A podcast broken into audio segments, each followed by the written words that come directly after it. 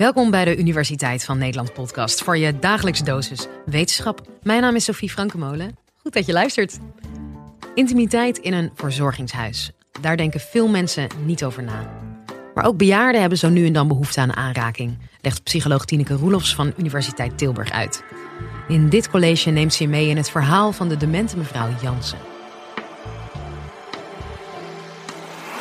Live vanuit Club Air is dit de Universiteit van Nederland. Ik zou jullie vanavond graag even iets meer willen vertellen over mevrouw Jansen. Mevrouw Jansen is een mevrouw die ik al een tijdje ken. Uh, ze woont uh, in een verpleeghuis, want ze heeft dementie. Mevrouw Jansen ken ik goed. Uh, het is een, natuurlijk een oudere dame. ze vindt het fijn om rond een uur of tien naar bed te gaan. Ze vindt het fijn om s ochtends rond half acht uit haar bed te komen. En ook de verzorgenden die haar dagelijks verzorgen, kennen haar ontzettend goed. Ze weten bijvoorbeeld precies wat ze op haar brood wil iedere ochtend. Ze weten precies welke blouse ze fijn vindt om aan te hebben. Toch kreeg ik een vraag over deze mevrouw Jansen. Want als je psycholoog bent in een verpleeghuis, dan krijg je vragen van verzorging. Die vraag die bij mij terecht kwam was, goh, zou het u eens mee kunnen kijken zou je eens mee kunnen kijken, psycholoog, want we hebben een probleem. Het probleem is namelijk dat mevrouw Jansen iedere ochtend tijdens dat ochtendverzorgingsmoment zichzelf ging bevredigen. Ze ging masturberen. En dat was een pijnlijk en gênant moment voor de verzorging natuurlijk. Die werden daar dagelijks mee geconfronteerd. Maar ook voor mevrouw Jansen. Wat wil ik hier nou mee illustreren? Ik wil hiermee illustreren dat we eigenlijk heel erg veel weten van mensen met dementie die in een verpleeghuis wonen. Maar op het moment dat het gaat over intimiteit en seksualiteit, dan wordt het moeilijk. Dan moet de psycholoog komen om daar iets uh, van te vinden. Uiteindelijk was de oplossing voor dit probleemgedrag, of onbegrepen gedrag, zoals we dat in het verpleeghuis vaak noemen, eigenlijk vrij eenvoudig. Mevrouw Jansen had last van incontinentie. Ze droeg 24 uur per dag een, wat wij een gesloten incontinentiesysteem noemen. Dat is een soort luier die helemaal rondom dichtgeplakt zit. Dat betekent dat je jezelf eigenlijk niet kan aanraken op je intieme delen als die luier aan is. Het enige moment dat dat inco-systeem uitging was tijdens de ochtendzorg. Dus waarom ging mevrouw Jansen masturberen tijdens die ochtendzorg? Dat was niet omdat ze misschien een beetje gek was onder de verzorgenden onderling waren, waren al een beetje verhalen gekomen van ja, ze deed toch eigenlijk altijd bij vrouwelijke verzorgenden. Nou zijn er ook bijna alleen maar vrouwelijke verzorgenden, maar goed, eh, alleen voor, ja, misschien, uh, ze had wel al vroeger een man gehad, maar misschien was ze wel lesbisch, wie weet. Uiteindelijk bleek natuurlijk dat dat allemaal niet aan de hand was. Mevrouw Jansen had gewoon behoefte aan seksualiteit. En het enige moment dat dat kon, was op het moment van die ochtendzorg. De oplossing was dan ook eenvoudig. Geef mevrouw Jansen wat privacy en een moment dat die, dat incontinentiemateriaal uit is. Ga zelf even weg, verzorging. Laat haar even gaan. Laat maar even doen. En dat bleek dus de oplossing voor dit probleem. Waarom vertel ik dit? Dit soort uh, gevallen, dit soort kwesties krijg ik, kreeg ik regelmatig aan de hand als, we, als psychologen in een verpleeghuis. En door dit soort casussen te bespreken, ging ik mezelf afvragen, wat gek eigenlijk. Als ik over intimiteit of seksualiteit hoor, is het altijd een probleem? Is dat eigenlijk wel zo? Is dat eigenlijk altijd wel een probleem? Hebben mensen die dementie hebben geen behoefte meer aan intimiteit? Kan het zijn dat hè, op het moment dat je 65 bent geweest, dat liefde en seksualiteit dan gewoon helemaal is opgehouden? Daar wordt namelijk wel een beetje van uitgegaan. Dus dat was eigenlijk de aanleiding voor mij om samen met een team van onderzoekers hier onderzoek, verder onderzoek naar te doen. Het was geen eenvoudig onderzoek, want er spelen nogal wat taboes rondom intimiteit en seksualiteit bij ouderen überhaupt. Ook als je kijkt naar mensen die in een verpleeghuis wonen, die zijn vaak eh, best wel afhankelijk van hun familie. En bij familie spelen ook veel taboes eigenlijk ook wel logisch. Als ik nadenk over de seks die mijn ouders misschien zouden hebben gehad, word ik ook niet zo blij. Ik denk dat iedereen dat hier heeft. Daar denk je liever niet aan. Dat speelt natuurlijk bij mensen die in een verpleeghuis wonen ook. Waarbij de familie vaak het eerste aanspreekpunt, het eerste contactpersoon is. En ook bij de verzorgenden. net als in het voorbeeld van mevrouw Jansen, merk je dat verzorgenden die in teams werken, dus vaak in, een groepje werken, uh, maandenlang tegen dit soort problemen aanlopen, maandenlang met iets bezig zijn en er onderling uh, veel over hebben, maar het heel moeilijk vinden om het verder bespreekbaar te maken. Ik ging verder op zoek naar, nou, wat is er eigenlijk al onderzocht over dit onderwerp? En ook in de wetenschap bleek dit thema een taboe. Er was best wel weinig onderzoek naar gedaan, maar het onderzoek wat gedaan is, kunnen we eigenlijk in drie focusgebieden onderverdelen. Het eerste is eigenlijk het gerapporteerd of geobserveerd gedrag. Dat betekent dat een wetenschapper of een assistent van een wetenschapper op een woongroep is gaan zitten, in een afdeling is geweest en geturfd heeft hoe vaak mevrouw Jansen de hand van, mevrouw van meneer Pietersen heeft vastgehouden, bijvoorbeeld. Interessant onderzoek, alleen het zegt natuurlijk niks over de interpretatie van dat gedrag. Wat betekent dat dan, dat iemand, iemand anders zijn hand vasthoudt? Het tweede focusgebied van het onderzoek ging over attitude van medewerkers. En wat daarin gevonden werd, dat, was dat vooral individuele um, factoren belangrijk waren voor de attitude van medewerkers. Waarom is die attitude dan zo belangrijk? Nou, omdat mensen met dementie die in zo'n verpleeghuis wonen heel erg afhankelijk zijn van die zorgmedewerkers. Eigenlijk voor alle domeinen in hun leven zoals ik straks in het voorbeeld ook aangaf. Uh, mevrouw Pieters, of mevrouw Jansen vond het fijn om om tien uur naar bed te gaan. Nou, goed dat die zorgmedewerker dat weet. En ook goed dat die zorgmedewerker daar dan rekening mee houdt. Als die zorgmedewerker dat bijvoorbeeld veel te laat vindt, voor mevrouw Jansen, dan gaat ze gewoon om negen uur naar bed. Mensen zijn behoorlijk afhankelijk. Dus de houding, attitude van medewerkers rondom seksualiteit is belangrijk voor de mogelijkheden die mensen dan daadwerkelijk hebben. Het derde focusgebied ging eigenlijk over ethische en juridische aspecten. Dan denk je, ja, wat heeft ethiek of, of de wet hier nou mee te maken?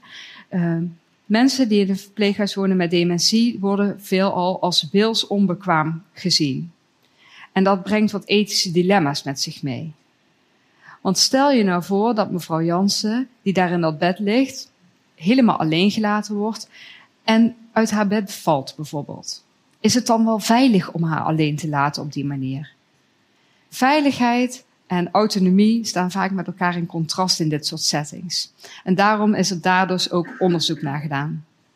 Wat ons eigenlijk als eerste en het belangrijkste opviel, was dat het cliëntperspectief in dit onderzoek helemaal ontbrak. Er is van alles geschreven en onderzocht over mensen, maar praten met mensen, dat was nog niet gedaan. En dat was dus een van de eerste dingen die we zelf graag wilden doen. Het was helemaal niet makkelijk, want mensen met dementie hebben natuurlijk geheugenproblemen. Sommige mensen vinden het moeilijk om te praten of dat lukt niet meer goed. Um, ook onderzoek doen echt op een wetenschappelijke manier is niet makkelijk met deze mensen. En daarom hebben we soms mensen alleen gesproken, soms ook met hun partners samen en hebben we ook partners apart gesproken. Uit dat onderzoek blijkt eigenlijk het volgende. Uh, vier belangrijke thema's. Het eerste thema is dat liefde, intimiteit en seksualiteit echt bij het leven horen. Niet alleen voor jonge mensen, maar ook voor oude mensen, ook voor mensen die dementie hebben en ook voor mensen die uh, met dementie in een verpleeghuis wonen. Het tweede thema was dat ondanks dat die liefde en intimiteit nog steeds heel belangrijk waren, dementie had wel een behoorlijke impact gehad op de relatie. Het is natuurlijk logisch dat op het moment dat een van de twee echtpaar, eh, echte lieden in, in zo'n uh, stel dementie krijgt en de ander ervoor moet gaan zorgen, want dat gebeurt vaak en mensen blijven steeds langer thuis en de een zorgt dan vaak voor de ander, dat de relatie verandert. Waar vroeger de mogelijkheid was voor een gelijkwaardige relatie, gaat dat vaak nu wat meer uit de pas lopen. En dat betekent dat uh, ook voor intimiteit dat een heel gek gevoel kan geven voor mensen. Als dat jij ochtends je man of je vrouw helemaal hebt verzorgd, gedoucht, uh, boterhammen voor diegene hebt gesmeerd en dat je s'avonds naast elkaar in bed ligt, toch op een hele andere manier. Het derde belangrijke thema was dat intimiteit en seksualiteit helemaal in het teken staan van samen zijn voor mensen. Samen zijn en loyaliteit. En dat dat ook heel erg gemist wordt. dus op het moment dat de ene naar het verpleeghuis gaat, betekent dat soms dat stellen soms na 60 jaar huwelijk ineens uit elkaar worden gehaald. Ik heb mensen gesproken die nog nooit langer dan een week niet in hetzelfde bed hadden geslapen.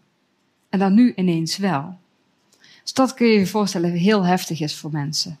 Als laatste gaven mensen een heel aantal barrières aan uh, als het gaat over intimiteit beleven samen in zo'n verpleeghuis. De eerste groep van barrières is vooral praktisch van aard. En dan moet je dus denken aan dat iedereen in een verpleeghuis in een eenpersoonsbed slaapt. En dat kamers soms te klein zijn om er nog een eenpersoonsbed naast te schuiven.